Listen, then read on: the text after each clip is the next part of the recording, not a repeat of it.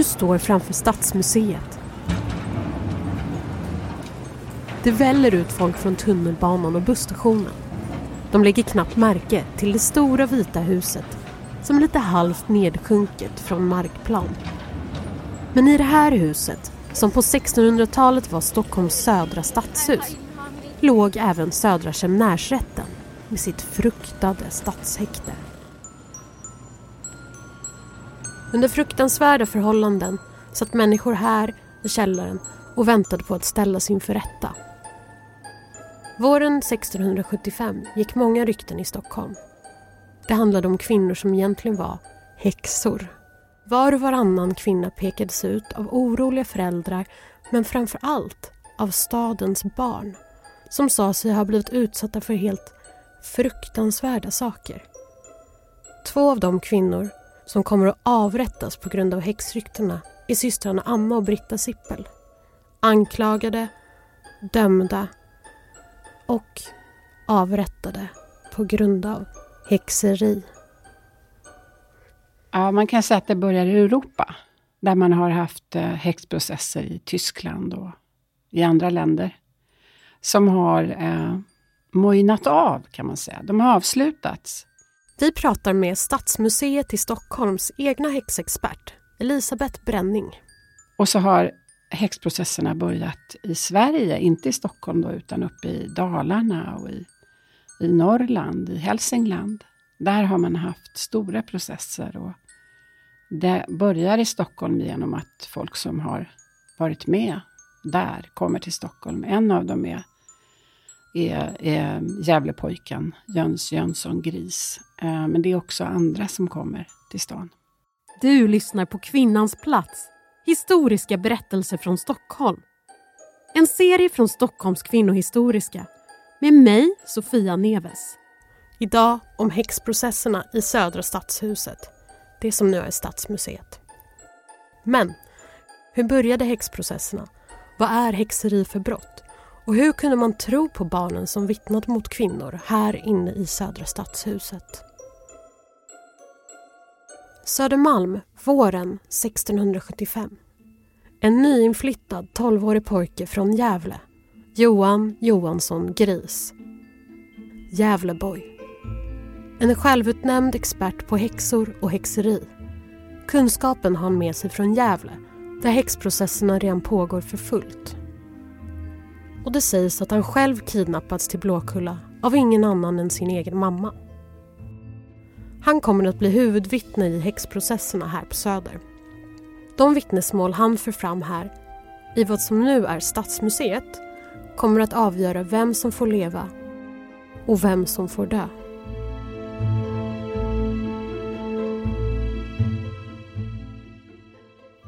Varför hände häxjakten?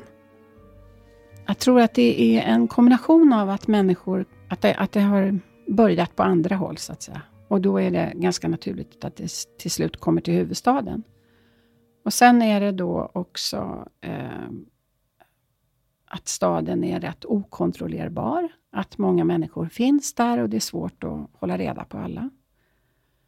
Det är den här unga kungen som eh, inte vill att det ska vara det stora oväsendet, kallade man ju de här processerna. Mm. Eller trolldomsprocesserna. Det är verkligen som i sagan, man talar om troll. Varför, varför kallar man det för det stora oväsendet? Ja, därför att det var, det, det var så man uppfattade det. Alltså det var ett väldigt liv, det var ett väldigt skvallrande, det var någonting som påverkade hela stan. Och då kallar man det ett oväsende. Vi skulle inte säga så, men det var det 1600-talsspråk. Och sen är det eh, också det här med de maktlösa som har fått makt. De här vittnena som har, som har blivit lyssnade på för första gången i sitt liv kanske. Och som därför har ett starkt intresse av att hålla igång det här. Skulle jag säga. Det, det är flera faktorer än så, men det här är några av de viktiga. 1676. Södermalm. Häxorna tar sig in till oss barn när vi sover. De sticker nål i väggen och så öppnas en dörr så kommer de in och häxan har en ko som vi flyger på till Blåkulla. Och vi får jättefina kläder och klänningar och god mat, kyckling och lamm med sås. Det såg så gott ut. Men när jag skulle smaka så förvandlades maten till paddor och ormar. Och sen måste vi städa och servera djävulen själv. Och häxorna. Annars blir vi piskade med ormar. Ja, det hände faktiskt mig. Jag blev piskad med flätade ormar hela natten. Och så dansade häxorna med honom, djävulen. De pruttade så det blev musik och sen bjöd djävulen dem på öl i rumpan. Och ja, just det, allt hos den onde är upp och ner och bak och fram. Det är de, häxorna Anna Sipper och Britta Sipper, som tar med sig oss till Blåkulla. Häxorna ligger med han, med den fule, den hårde, den onde och sen föder de små grodor ut genom näsan. Det är det här som kan vara lite svårt för oss att förstå, eller för mig har jag tyckt att det varit svårt att förstå hur, hur, hur man trodde på Satan och helvetet och Blåkulla. Vad, vad tro, så jag tänkte fråga, vad tror människorna på under den här tiden? Alla tillhör ju en kyrka som är oerhört sträng och som handlar verkligen om inte så mycket om kärlek och möjligheter att eh, bli fri eller något sånt där som kanske kyrkan predikar idag, utan om en, eh, att man måste leva på rätt sätt därför att annars kommer man att hamna i helvetet. Så det är en oerhört sträng kyrka med eh, lagar som följer Gamla Testamentet i stil med att hugger du handen av någon så ska man hugga handen av dig och så vidare. Och det där gör att man så småningom måste, måste tillföra en, en annan, en världslig domstol som kan mildra de här lagarna, därför att annars skulle alla ha blivit dömda till döden. Ungefär. Nej, men så, så det är en väldigt sträng religion och, eh, och folk i allmänhet eh, går i kyrkan och lyssnar på det här. De är tvungna att gå i kyrkan också. Och att eh, en del av en del av kyrkans, men en del av prästerna predikade gärna om häxor. Andra var inte alls lika förtjusta i det, tror jag. Kan det ha något att göra med gammal folktro? Alltså att, att just det här med det, alltså det, det som har funnits eh, sedan länge, det har varit en tro på att man kunde förgöra andra människor genom att ge dem en ond blick. Eller genom att förbanna någons verktyg. Vilket ju är ganska obegripligt det också. Men det, där har det funnits en, en levande tro på det. Hur då förbanna någons verktyg? Ja, men plötsligt så funkar inte min yxa. Och jag har inte gjort någonting. Men den där mannen har varit inne en stund tidigare och, och gjort någonting med den där yxan. Och det, det är obegripligt för mig hur den plötsligt inte fungerar. Då, då är det någon som har förbannat den och gjort den oduglig för mig. Det låter som människor som försöker hitta en anledning till att saker går dåligt eller Ja, absolut. Misslyckanden. Eller att, ja, ja, men precis. Eller att någon plötsligt, väldigt plötsligt blir sjuk. Då är det någon som har gått förbi, gett den ett ont öga och så plötsligt, utan att man, all, någon var beredd på det, så faller någon ihop och är jättesjuk eller dör till och med. Det där, har, det där kan man se. Sen, och det kallas för maleficium, alltså dåliga saker som man gör mot någon. Sen finns det något som heter lövgeri. Och då är vi mer inne på de här kvinnorna som, som samlar örter och som eh, gör salvor och sånt där som kan läka folk. Det är inte heller riktigt tillåtet. Därför att eh, man ser det som någon slags lättare trolldom. Men man får inte alls den här typen av straff. Utan man kanske blir tillsagd. Man kanske blir tillsagd att läsa ett antal böner eller komma till kyrkan. Och sådär. Men det lövgeri är något annat. Vilken förälder skulle inte bli orolig av att höra sitt barn berätta sådana här hemska saker? Södermalmsföräldrarna blir såklart väldigt rädda när de hör vad deras grannar Anna och Britta Sippel gör med deras barn. Anna Sippel som har det gott ställt anses vara en riktig snobb gift med den framgångsrike bagare Bengt Bråk. Britta däremot är lite mer bråkig typ. Hon ligger i fejd med nästan hela grannskapet. Hon har dessutom en riktigt konstig man. Murmästare Galle. Han har tappat näsan på grund av syfilis så det blir självklart att Britta kallas för Näslöskan Britta. Ingen av systrarna är alltså särskilt poppis här på Söder.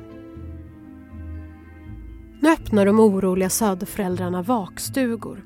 Stugor där föräldrar samlas för att vaka över sina barn på natten för att se till att häxorna inte ska föra med sig dem till Blåkulla. Till vakstugorna bjuds även häxexperter in. Bland annat den 12-årige Gävleboy Johan Johansson Gris och hans nya vänner Myrapigorna samt Lisbeth Karlsdotter. Även de har nämligen blivit experter på häxeri.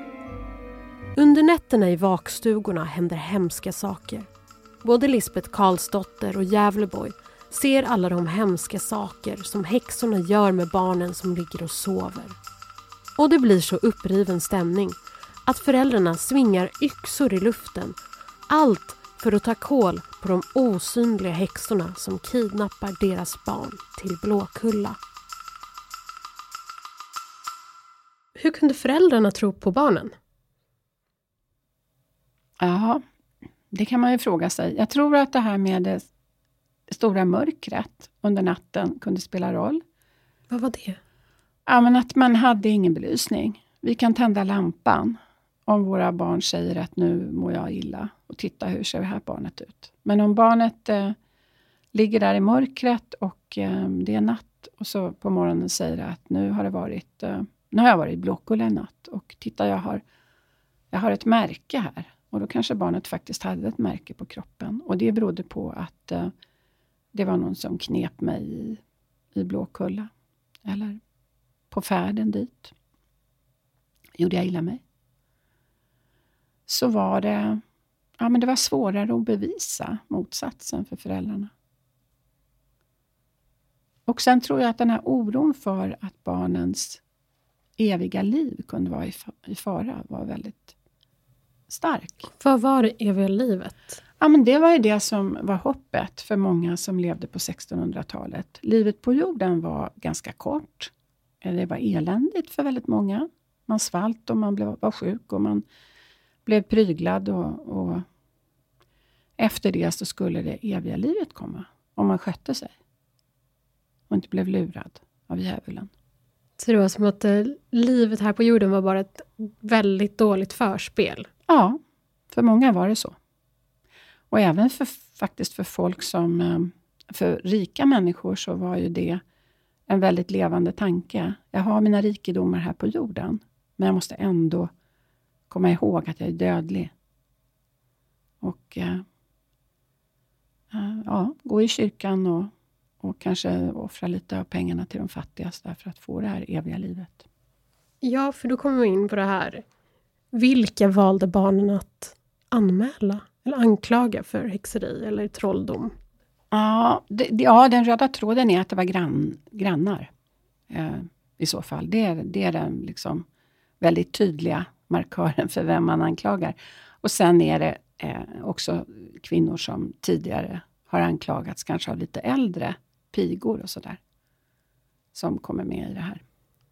Men fanns, fanns det någon likhet i vilket, vilken klass de var eller vad de jobbade med? Eller, jag tänker att man... Jag hade en sån föreställning om att det bara var så här, kloka gummor. Ja, det är en, en väldigt spridd eh, fördom, skulle jag vilja påstå. I alla fall när det gäller de, de stockholmska processerna. Anna Sippel blandar till lite salvor och berättar om det också. Och då säger hon, jag har köpt varorna på apoteket för att lite rentvå sig tror jag. Men hon är nog egentligen ganska stolt över det. Men annars så är det ju eh, kvinnor som eh, Flera av dem har en väldigt låg ställning, pigor. Eh, och andra är hantverksfruar. Och de har En del av dem har haft otur tror jag. Eh, och bara hamnat med liksom i någon sväng och andra har tidigare varit i bråk med varandra. Eller med den som anklagar dem. Så att det är ganska lätt att se att här har det varit folk som har varit osams med varandra och då anklagar man den här kvinnan för häxeri. Så att föräldrarnas eh, konflikter, de liksom droppar ner till barnen? Ja, så skulle jag säga att det var.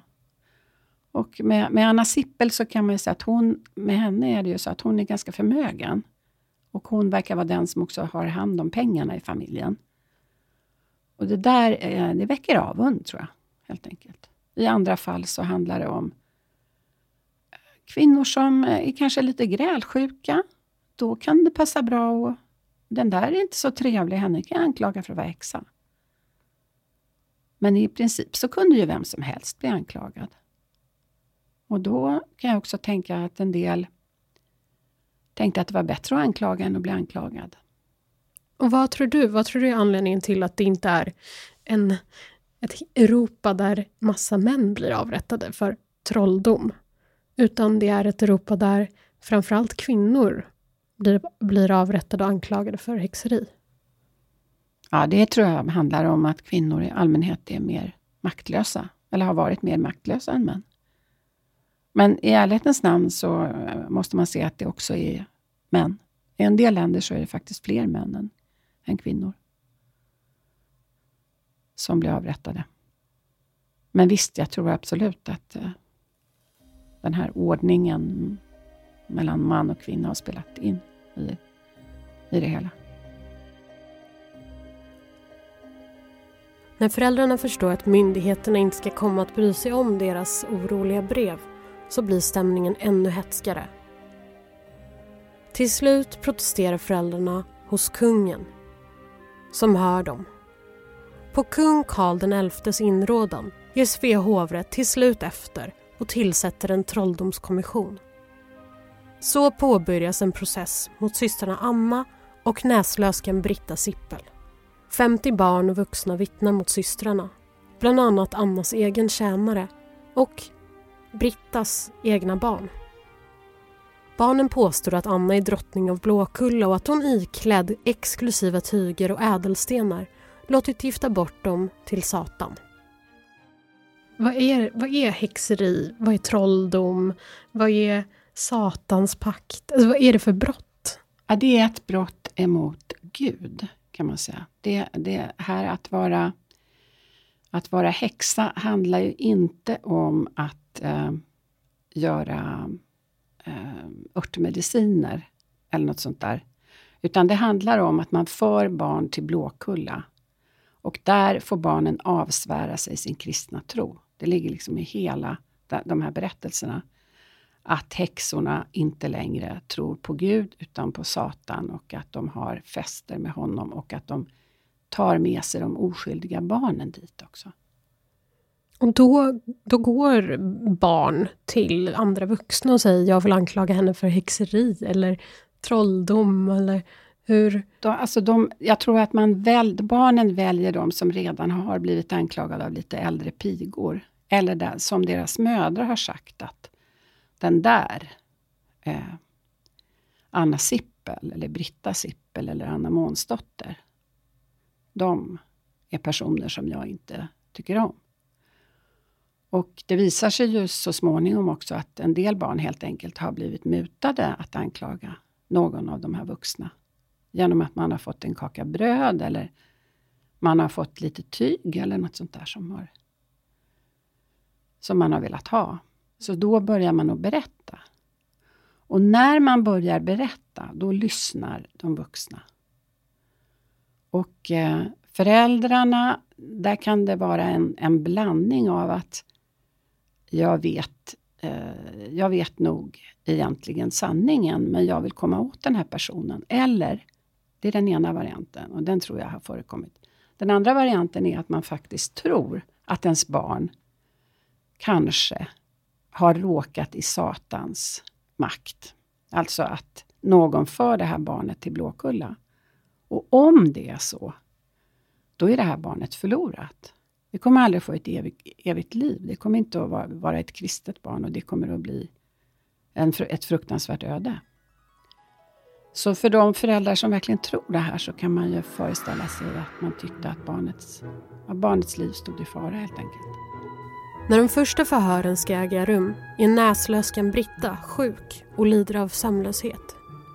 Och om Anna Sippel säger barnen att hon leder flygfärder över kyrkotorn och kokar barn i grytor. Ja, de berättar till och med att hennes man, bagare Bengt Bråk, ja han är där i Blåkulla och knådar deg med rumpan. Elisabeth Bränning igen. Nej, och då, då har man ju fått en kunglig order att, eh, att verkställa förhör. Och då börjar man ju ta in väldigt många på förhör. Och det är både vuxna och barn och halvvuxna som man tar in. Och de får vittna Och det märks ibland när man läser i protokollen att domstolen försöker försöker faktiskt ibland eh, Ja, men nu sa du ju lite annorlunda än du sa förra gången. Hur kommer det sig? Och som eh, sentida läsare av de här protokollen så kan man ju undra varför inte domstolen gick vidare. Därför att det är ganska uppenbart att man, att man har fått en eh, osanning då av ett barn eller av ett annat vittne. Men man väljer istället att fortsätta och man kallar in fler vittnen och, och ja, låter det gå lite. Trots att 50 personer vittnar mot Anna så försvarar hon sig ordentligt. Och hon säger att anklagelserna beror på avundsjuka och att vad som än händer och hur många präster och biskopar som vittnar mot henne så kommer inte det att förändra faktum. Hon är oskyldig. Hon är ingen häxa. Anna och Britta Sippel försvarade sig hjältemodigt, skulle jag verkligen vilja säga. Hur då? Ja, de, de hänvisade till att... För de, de fick ju hela tiden... Eh, man frågade dem hela tiden om de inte skulle erkänna sitt brott. För det som hände då, om de erkände sitt brott, det var att de kunde bikta sig för en präst och få syndernas förlåtelse. Sen blev de ju avrättade. Men då skulle de ha en möjlighet att att, att få det här eviga livet, att komma till himlen. Men de visste ju själva att de inte var häxor. Så de, de argumenterade utifrån sin kristna tro och sa att Jesus vet att jag inte har gjort det här. Jag, jag kan inte synda mot honom genom att säga en lögn. Om jag nu använder mitt eget språk. De använde ett annat, lite vackrare. Eh, så ungefär så. Anna och näslöskan Britta döms den 24 april 1676 skyldiga till häxeri. När domen fastställs så utbrister Anna. Nå i Jesu namn, oskyldig är jag. Gud upplyser eder och låter eder ha fällt en sådan dom som med kunnen försvara. Men det spelar ingen roll. Bara några dagar senare halshuggs systrarna och deras kroppar bränns på bål. Fler och fler kvinnor ställs inför rätta för trolldom och häxeri och snart är häktena överfulla i Stockholm. Totalt åtta kvinnor har blivit dömda och avrättade. Nu står ytterligare två anklagade för att ha fört med sig barn till Blåkulla. Men det är någonting som inte stämmer. Barnens utsagor blir konstigare och konstigare och stämmer inte överens. Och helt plötsligt börjar barnen en efter en dra tillbaka sina anklagelser. Även Gävleboy, Johan Johansson Gris, tar plötsligt tillbaka sina vittnesmål. Han säger Jag vet intet utav Blåkulla utan lärt i Gävle det beskriva. Trollkommissionens ledamöter blir hårdare mot barnen i förhören. Så fort en har sagt att jag var aldrig på Blåkulla och så börjar man förhöra andra barn och då börjar de också gå ifrån sina berättelser.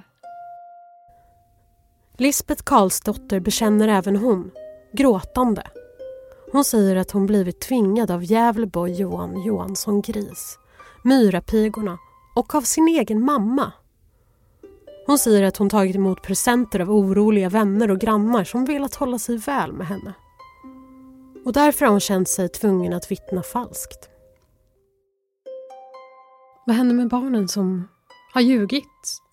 Ja, några av dem, de som hade varit de allra mest aktiva, som Jöns Jönsson Gris och Lisbeth Karlsdotter och två, två andra pigor. De blir ju dömda till döden. Och andra blir piskade på offentliga torg. Ganska ordentligt. En av dem dör efter det. Vad säger barnen när de börjar när de liksom börjar erkänna? I allmänhet så säger de eh, först att ja, ja, jag var i Blåkulla, absolut, jag var där och det hände det här och det här. Men din kompis här, hon säger att hon var inte där. Hon har, hon har erkänt att hon ljög. Och då blir det tyst.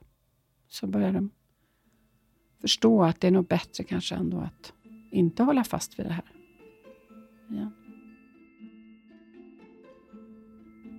Nu bestämmer sig Trolldomskommissionen för att sätta stopp för ryktespridningen på Söder.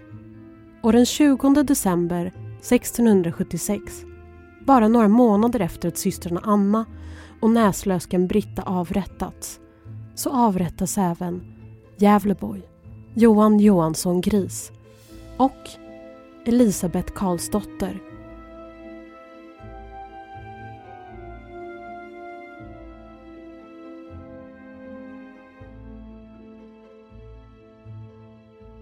Och Johan Gris och Lisbeth Karlsdotter, hur kommer det sig att det är just de som blir avrättade?